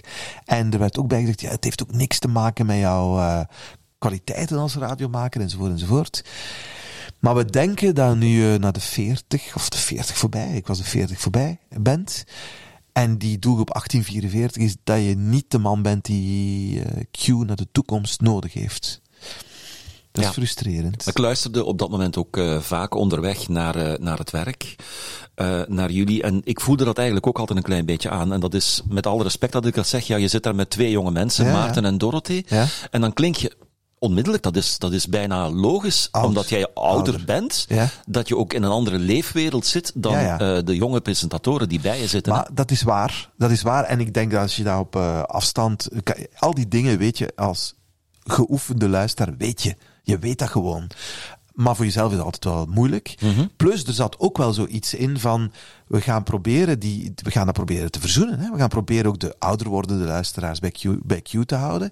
En de jongeren uh, met Maarten en Dorothy binnen te halen. En daar zeiden Erwin en, uh, en Dirk van, pff, ja, net, het werkt. Het is toch niet wat we gaan moeten doen naar de toekomst toe. En ik zei meteen, uh, oké, okay, dan misschien naar Joe. ja. En dat zagen ze in eerste instantie niet zitten. Nee, want er is een soort van overgangsperiode geweest. Ja, ik denk heel eerlijk, ook, ook, ook wel een beetje om strategische redenen. Je wilt, die, uh, je wilt dan niet meteen de mogelijkheid geven aan de luisteraars om jou verder te gaan horen op een ander station. Dat is al, al een beetje gevaarlijk ook, hè, want Mhm. mm -hmm. Q uh, was en, en, en is toch nog altijd misschien wel de belangrijkste zender, zeker naar grootte en naar inkomsten voor deze groep. Dus je moet daar een beetje voorzichtig mee zijn. Maar ik zelf had wel meteen iets van, ja maar sorry, maar ik wil echt wel ochtendradio ooit blijven doen. En zelfs denk ik, maar oké, op dat moment had je zoiets van, fuck, dit stopt. Maar ik ben ze daar, ik begrijp het en ik ben ze daar ook ongelooflijk dankbaar voor nadien. Het heeft, uh, het heeft voor mij uh, heel veel uh, dingen heel goed geleerd. Je leert altijd uit die dingen en dat is dat, ja, als het niet klopt, dan klopt het niet. En, en, en je kan dan misschien wel eens terechtkomen waar het veel meer klopt. Mm -hmm. En dat is bij Joe gebleken. We zitten, ik, ja, ik zit zo graag in de ochtend van Joe. Ik kan mijn muziek spelen die mij veel meer ligt. Ik, ik, ik, ik, wij kunnen ook ongeremd. En ik, we vragen ons altijd af wanneer gaan we eens een keer met onze neus tegen de muur lopen en hebben we een probleem. Maar wij kunnen heel, uh, hoe wil ik het zeggen, uh, met een lichte vorm van cynisme over woke-toestanden spreken. Wat eigenlijk uh, op Q en op een jongerenzender echt niet meer zou kunnen. En wij kunnen dat altijd, wij kunnen dat relativeren, omdat een heel groot deel van ons publiek ook denkt, ja, ja, het zal wel, we willen mee evolueren, we willen natuurlijk wel. Maar pff, rustig, dus even kalm. En al dat soort dingen kunnen wij in de Ja. ochtend van Joe. Goh, Ja. zit zoveel meer op mijn plaats. Dus ze hadden gelijk. Ja, in die overgangsperiode, je zei het daar straks al, heb je gewoon een muziekprogramma gemaakt waar je eh, gewoon tegen de luisteraars, ik zeg nu gewoon, maar eigenlijk is dat keihard werken. Ja, tuurlijk, veel aan, harder aan, werken. aan- dat is Veel veel harder werken, als ik denk aan wat Karel bij Joe iedere dag moet doen. Ja, dat is fantastisch. Ik heb daar zoveel respect voor. Ik, ik wandel heel veel en ik luister in de namiddag naar hem, maar ook naar collega's op de andere zenders. Uh, um, ja, dat is fantastisch. Hè? Dat je zo, zo met één zin op een intro de sfeer goed kan zetten. Ik kan het niet. Mhm. Ik kan het niet. Ik kan, of ik zou er weer moeten gaan op oefenen en er mij op concentreren, maar uh, ik kan het niet. Ja. Is niet mijn talent. En dan mag je naar Joe, wat je eigenlijk al wilde. Oef, oef, Ja. oef, oef, ja. Vond ik superleuk. Ik, ik, ik geloofde ook heel erg in het potentieel van, uh, van die zender. En, en, we zijn telkens gegroeid en dat is fantastisch. Ja, ja neem je dan dingen, ja, automatisch neem je dingen mee van wat je bij Q geleerd hebt naar een nieuwe zender? Of, of naar een zender waar je dan voor moet gaan werken? Uh, waar je wel voor een andere doelgroep moet gaan werken? Ja en nee. Ik weet, ja. Ik bedoel, de focus op een andere doelgroep, maar het zijn ook voor een groot stuk. Er, zijn, er zijn echt heel veel luisteraars ook nog die die Jabba Doe zelfs hebben gehoord. Het programma ik uh, mocht vervangen met Michel. Ik, ik denk dat dat zo'n beetje iets is van, als je dertig jaar in het vak bent, ben je voor sommige luisteraars gewoon, ja, zoiets als, uh, weet ik veel, zou je mm -hmm. zeggen, het koffieapparaat van elke dag. Ja. Dus ik denk, het is, ja, andere, je kan uh, onbeschaamder voor je eigen leeftijdsgenoten radio gaan maken. En het gekke daarvan is, als je dat doet en je zit daar ook in, dat je op een rare manier ook weer andere doelgroepen dan aanspreekt, die voelen dat je wel juist in je rol zit. En, en, en dan hebben onze zenders, hè, de Nostalgie's en de, en de Radio 2's en de, en de, de Joe's van deze wereld, iets ouder geprofileerde zenders, nu als voordeel dat wij allemaal luisteraars hebben die altijd radio hebben geluisterd en dat nog altijd amusant vinden. Ja. En niet die nieuwe generaties meer moeten aanspreken. Dus ik denk soms wel eens als radio van onder, uh, in de onderste doelgroepen, jonge doelgroepen, door alle YouTubes en door, door alle Spotify's en zo, het toch steeds moeilijker krijgen, dan denk ik, allee, het zal ons een tijd nog wel duren tot aan ons pensioen om radio te kunnen maken. Ik hoop het en ik ben er eigenlijk van overtuigd, omdat het zijn de beste radioluisteraars. Ja, uh, krijg je bij, bij, als je dan die, bij die ochtend bij Joe begint, de, de opdracht van uh, Sven, dit moet het worden en je krijgt voor de rest carte blanche van ons. Doe wat je, wat je denkt dat nodig is om die ochtend op de kaart te zetten. Uh, ja, nee. Uh, voor een groot stuk uh, weten mensen hoe je radio maakt en ochtendradio maakt. Maar de zender wordt ook ergens opnieuw een beetje geherprofileerd of, of fijn, fijn getuned. Ik heb met, met Tom, met Tom Klerks, daar heel lang over zitten praten. En ook heel lang zitten zoeken, wel, want dat is een heel belangrijk als je dat opnieuw mag gaan creëren. Van met wie zou je dat kunnen doen? -hmm. En dan begin je echt rond te kijken overal. Dat is elke keer weer de oefening. En ik had wel alles, uh, samen met Anke ook, kijk, dan kijk ik altijd met wie het, met wie het alles is, is gelukt. Een heel goede klik gehad in allerlei hitparades die we samen hadden gepresenteerd. En ik vond Anke destijds bij Wim Oosterlink echt geniaal. Ik vond die geniaal, die twee. Ik vond dat echt. Ik zei altijd, want dat was toen toch nog wel een beetje meer sidekick. Ik zei altijd, je kunt geen betere sidekick vinden dan Anke. Omdat die, ja, die, die, die is super spontaan, die is zo oprecht, die is heel eerlijk, die is grappig, die is, die is creatief. En en dat voel ik meteen aan tussen de andere mogelijke kandidaten. Zij is ook zo ontzettend anders als ik. En we voelden al dat het radiotechnisch klikte. En dan, dan heb je wel door dat als je die twee rollen naast elkaar uitspeelt, en als je dat goed doet, want ja, dat is altijd gevaarlijk. Het kan ook niet klikken op antenne. En dan, ja, dat kan. Maar dat hadden we al gehad, maar het kan ook niet klikken bij de luisteraars. Hm. Dus dat is altijd wel een gok. Maar het vermoeden was er toch dat dat zou kunnen werken. Ja, mm-hmm. En zo zijn wij begonnen met Sven en Anke. Ja, Wim heeft het in de, de aflevering van Radiohelden met Wim ook uh, aangehaald. Ja, die klik met Anke. En vooral, ja, hoe zij reageert op dingen dat je soms maar een half woord nodig hebt om een reactie van Anke te krijgen in, uh, in het programma. Hè? Ja, ik denk, ik, ik, uh, ik heb, ik, ik vind daar elke keer, elke dag weer denk ik, oh, fijn, ongelooflijk. Um, ik lieg ook echt niet als ik zeg dat ze een onwaarschijnlijk chaotische vrouw is. Ze zegt dat ook duizend keer per seizoen, dus iedereen weet dat. Dus, uh, maar ze legt ook superveel vertrouwen in, in, de, in mijn techniek en in het regisseren. Dat, uh, ze heeft een heel uitgesproken mening over alles. Dat gaan we wel doen, dat gaan we niet doen. En dat is goed, want dan moet je alle twee altijd over eens zijn. Als je niet eens bent over dingen, moet je ze niet doen. En heel soms zijn er momenten, heb je met iedereen met wie je ochtendradio maakt, dat je het er niet uit geraakt. Dan je zegt, ja, maar ik wil het echt heel graag. Ik wil het niet, dan moet je een keer toegeven aan elkaar. Maar dat is maar een paar keer per maand of zo. Dus daar, daar, daar komen we in overeen. En ja, en ik laat daar spelen en, en ik laat haar doen. En, en, en, en ik zorg dan dat, dat het technisch ook nog allemaal wel een beetje klopt. En ze, ze laat dat ook gebeuren. Er is ook geen enkel probleem. Dus ja, dat, dat is eigenlijk wel heel plezant. Want ik heb wel graag een beetje zo technisch en zo de touwtjes in handen. Ik regisseer ook wel heel graag. Dat zou bij Maarten, denk ik, om den duur ook wel een beetje een moeilijk gegeven geworden zijn. Omdat Maarten ook heel graag in charge is en ook heel graag de techniek doet. Maar wat dat betreft mag ik technisch gezien kapitein van het schip zijn uh, voor Anke. Maar she's the star. Hè. Mensen houden ongelooflijk van, van Anke, haar uh, spontaniteit en, en, wat ze eruit vloept. Waar ik soms van denk, man, kunt je dit op de radio zeggen? Blijkbaar wel, want luisteraars vinden het, vinden het super plezant. Ja, en het team achter de schermen? Heel erg belangrijk. Hè? Ik, uh, ik, wij kijken daar soms eens met grote ogen naar van hoe groot teams bij andere ochtendshows zijn. Uh, want dat is, dat is bij onze collega's van Q, bij onze collega's van, van M&M, Radio 2 al helemaal. Uh, ik weet niet bij Nostalgie is met een aantal mensen een beetje gelijk zijn als bij ons. Wij moeten het wel met een veel kleiner budget doen. Maar we hebben wel de beste mensen achter de schermen. Maar dat meen ik ook echt. Grim Vermeijer is onze eindredacteur en nieuwslezer. Hij combineert die twee jobs. Ik denk Grim, uh, de man is met het met een van de beste adresboekjes in het hele land.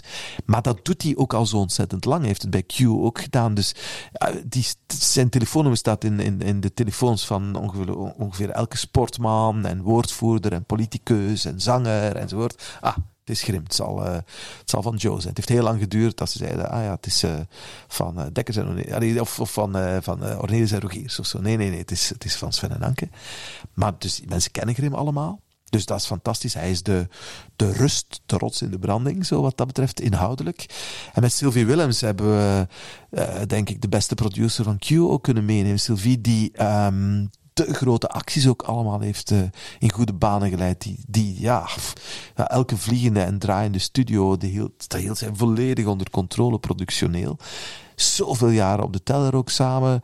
We begrijpen elkaar blindelings in dit team, ook al zijn we allemaal heel verschillend. Ja, en dat is zo uh, een beetje. We, we, we, we, hebben ook nog wat technische ondersteuning. En dan bedoel ik vooral naar onze 70s en 80s en 60s en uh, andere zenders, digitale zenders. Maar uh, het is een klein teampje, hè? Klein ja. teampje. Ja, want je zei dat helemaal in het begin van de podcast al. Ja, die, die opsplitsing op uh, de extra zenders die jullie hebben. Uh, dat betekent wel dat je geen platen mag aan- en afkondigen. Jawel. Jawel, jawel, jawel. Dat doe ik wel. Hè. We doen dat constant. Ja, oké. Okay. Hoe gebeurt het dan? Moet ik het uh, proberen? Het zijn toch veel radiofreaks die ja, luisteren. Ja, maar het zijn, het zijn eigenlijk radiofreaks die luisteren. Het is, heel, het is eigenlijk heel simpel. We sturen pulsen mee. Dat doen we. Dus we sturen pulsen mee met, uh, met, met de platen, met de tunes en met alles. En dus ik, ik, ik kondig een plaat af, uh, enzovoort. En op een bepaald moment start ik een tune in. Of een jingle, of zelfs een blanco puls. Maar dat doe ik niet zoveel niet meer. Maar dat was in het begin wel uh, zo, dat kan. en um, op dat moment start er een opname simultaan die um, Lucas de, de rechtstreeks ziet tevoorschijn komen van oké. Okay. En van zodra die opname gestart is, dat blok begint te lopen, kan hij dat blok al slepen in de andere zenders. Ah, ja. En bij de andere zenders maar dat is, uh, omdat ik het alleen maar voor de radiofreaks toegeef, zitten de afkondigingen er al vast aangeplakt aan alle platen. Dus we hebben alle platen op 60s, 70s en 80s, 90s, hebben allemaal afgekondigd. En daardoor zijn dat ook redelijk neutrale afkondigingen mm. allemaal. Dus je hoort ons de Beatles afkondigen. En dan start eigenlijk een opname die van onze. Uh, van, van Joe komt, van, van de main channel komt. En, en dan als er een plaat in start, dan stopt die opname. En dan kan er dus een andere plaat aan vast, automatisch aan vastgekleefd worden op die andere zenders. En dan heb je nog het technische, dat ik dat in het begin jammer vond. Want als ik dus een intro nam van een plaat nog vanuit een gesprek, dan was het ambetante dat dan eigenlijk de tune daaronder wegviel en dat dat helemaal op stilte zat. Of dat er een intro van een andere plaat aan vasthing, wat natuurlijk ook super ambetant was. Want, wat moest de man die het moest naar de andere zender sturen daarmee doen. Dus ik heb nu uh, een A-schuif en een A-plus-schuif en een B-schuif en een B-plus-schuif. Dus als ik een intro neem van een plaat, waar ik denk van, ah, hier wil ik, en dit moet ook nog mee naar de andere zender, dan doe ik die op mijn tweede schuif. En dat is ondertussen automatisch reflex geworden. Anke moet daar nooit meer over nadenken. Niemand moet erover nadenken. Ik doe dat gewoon even makkelijk als ik, als ik fiets of zwem of auto rijd. Dus dan, dan is het op een andere schuif ingestart, waardoor onze, onze man die het moet sturen naar de andere zenders, dat blanco eigenlijk heeft en daar of een andere intro kan ondersteken, of een stager kan ondersteken of iets anders. Straf. En zo, ja. En dat is helemaal anders dan op alle andere zenders eh, waar dat in, in, de, in de wereld gebeurt. Ik denk, eh, was het Virgin die het doet in uh, Groot-Brittannië, deed het al een jaartje vroeger, maar daar, wat, wat waanzin is, waar, wij van begin, waar ik van het begin zei, nee, er moet een andere oplossing zijn. Wat zij doen, is um, alle platen zijn aan en afgekondigd, allemaal al, op voorhand, dus opgenomen. En, ze, en hun systeem, een muzieksysteem, scheduled platen die allemaal even lang zijn. Maar ja, dat is flauwekul. Dat, dat, eh, dat geloof ik niet. En overigens, mensen zijn het al gewend. Digitale radio, dat ligt niet eens aan ons, maar dat ligt ook aan het feit dat het gebufferd wordt. Het is een online gegeven, er zit altijd wat vertraging op. Mhm. Dus ja, dus nu mag zij niet uit als ze zappen van de een naar de andere. Ja, in mijn hoofd werd er dus niet aan en af. Maar misschien is dat doordat ik zelf radiofreak ben, dat ik het niet meer hoor, dat er uh, platen aan en afgekondigd worden. Wel intros, intros genomen. Constant? Ja. Constant. En dat je dan ja, die reflex kunt maken in je hoofd, dat je dan een andere schuif moet nemen. Ja, dat is toch gewoon fantastisch. Dat, dat is inderdaad ik vind dat eh, superleuk om te doen. Ik vind dat ook tof. En, dat, en kijk, dat jij als, als radiomaker eh, zegt, ja, hoe doen ze dat eigenlijk en hoe werkt dat precies? Dat willen dan niet aan en afkondigen. En zo werkt het dus. En ja, toen we dat, ja, dus echt, ik heb toen ook echt zo een mail gestuurd naar iedereen op de radiovloer. Oké, wij gaan, ook overigens toen we de, de, de laptop eh, studio gemaakt hadden. Mannekes, dit is echt, dit is revolutionair. En we geniet daarvan. En gebruik die techniek waar je kunt, want we zijn er eerste. En, en dat zijn dingen die, ja, die, die fantastisch zijn. En die, die heel snel uh, uh, op an, uh, in andere toepassingen gaan komen. Hè. Dat heb je met nieuwe technieken. Heel snel komt dat pff, gaan al. Er zijn nu al apps waar je radio kan mee maken. Hè. Het is al zover, mm -hmm. dat kan al. Hè. Ja, ik maak mijn radioshow op vrijdag van bij mij thuis in ja, mijn platenkast. Ja. Uh, en ja, mijn, de studio in Antwerpen wordt gewoon bediend via een touchscreen. Hè? Ja, ja, tuurlijk. Ja. Dat en voor de rest uh, draai ik alles op vinyl. Ja, ja op vinyl. Ja, op, uh, ja, het is op verzoek op vinyl, dus ik kan het niet in Antwerpen gaan ja, maken. Het moet van bij, bij mij in de studio komen. ja, Sven, hoe lang ga je nog ochtendradio maken? Maar ik weet niet wanneer de pensioengerechtigde leeftijd is. Kijk, dus nu zijn er misschien al bazen die denken, oh nee, ook hier gaan we moeten op een bepaald moment. Maar je wordt 50 dit jaar. Dat is jong, hè? Toch? Ja. Voor radiomakers. Dus je hebt nog minstens 15 jaar. Ik denk dat tot 67 wij moeten werken. Is dat niet? Uh, ja, ik weet niet, het hangt er een beetje vanaf hoe, ja. hoe je, hoe, hoeveel je al gewerkt hebt. Oh, voor redelijk veel, maar ik denk, oh, ik doe dit zo ongelooflijk graag. Ik, ik, doe dit zo ontzettend graag.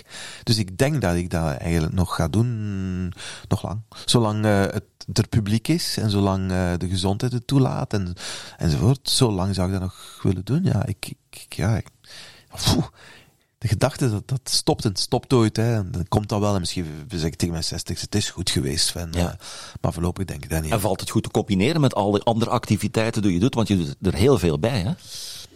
Is zo, maar, en dat was in het begin wel heel grappig, toen ik er andere dingen bij deed, weet je dat...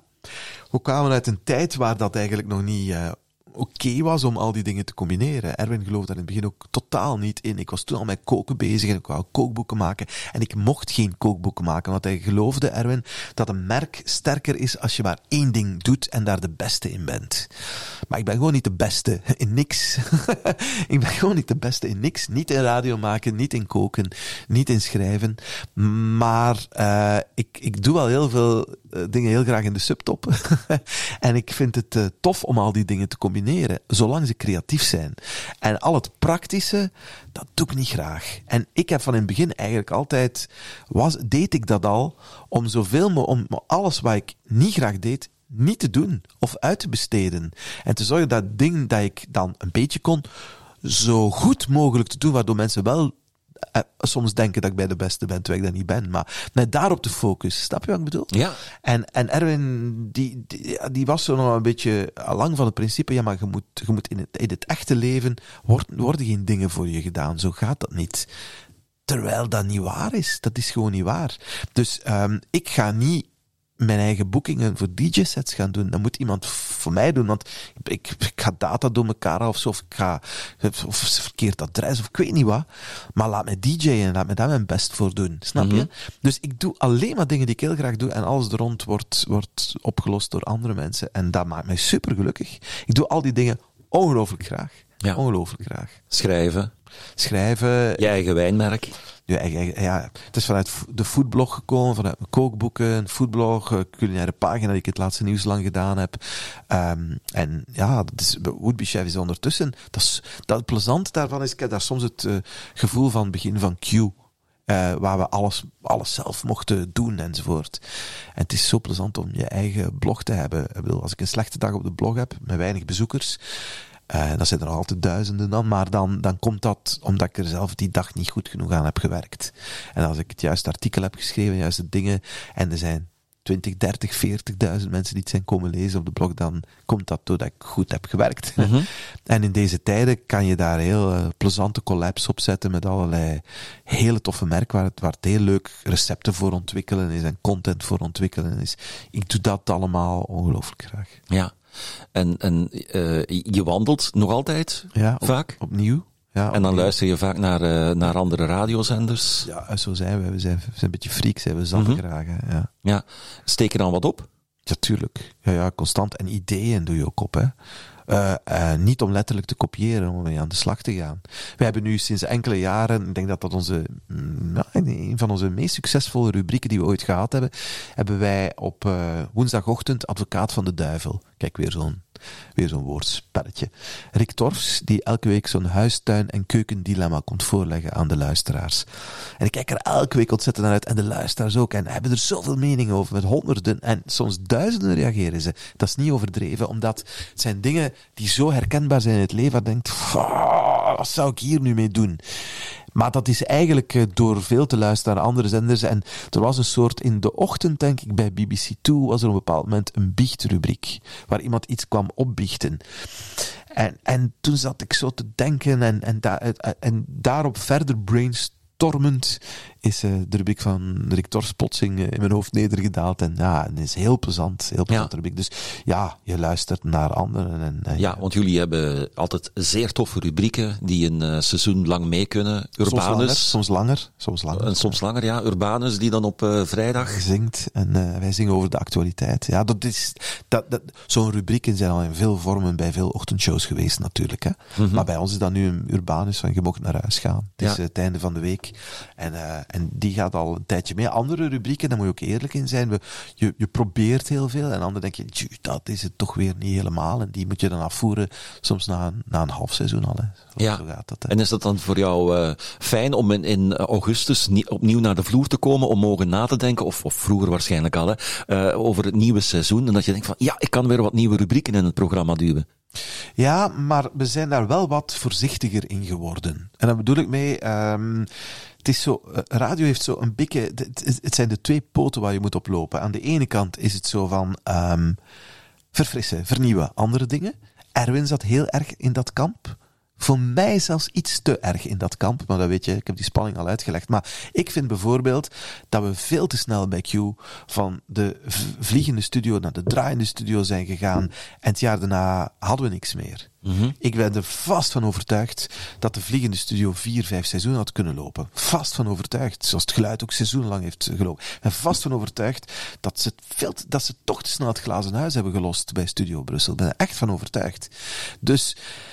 En uh, Robin, onze, on, onze baas, die, die, die daagt ons altijd uit om, om, om wel naar een 2.0 te gaan. Dat zijn een van zijn stopwoordjes van uh, Robin, een 2.0. Uh, maar gelooft ook wel heel erg in continuïteit. Um, dus het is een beetje de twee. Dus we doen wel altijd nieuwe rubriek. En zo is er weer eentje gestart uh, dit seizoen. En zo komt er wel weer uh, iets nieuws aan. En liggen er een paar dingen op de plank die we aan het uittesten zijn. Maar ook de dingen die, die werken, die moet je houden. Want ja. mensen zijn, dat is een vertrouwd uh, anker. Ja.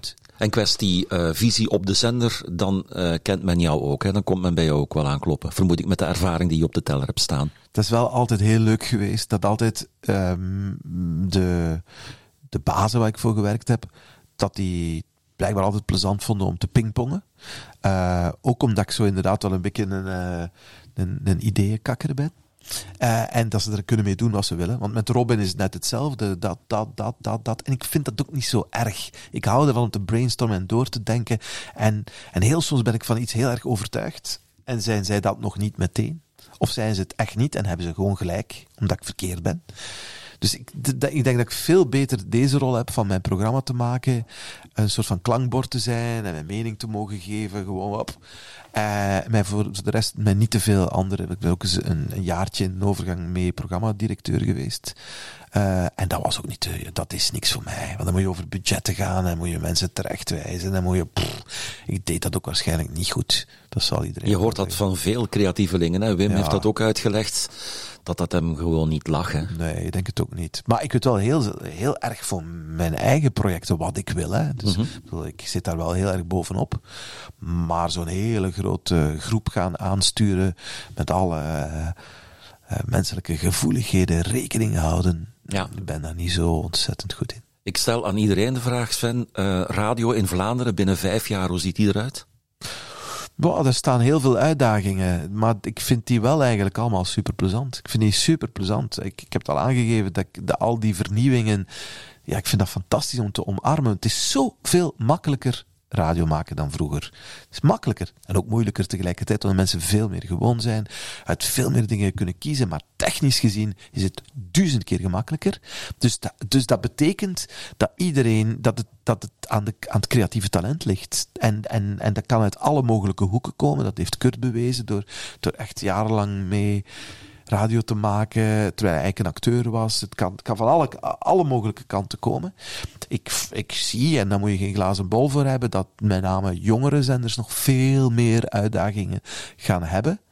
Uh, dan, dan de zenders die op een iets oudere uh, doelgroep zich richten.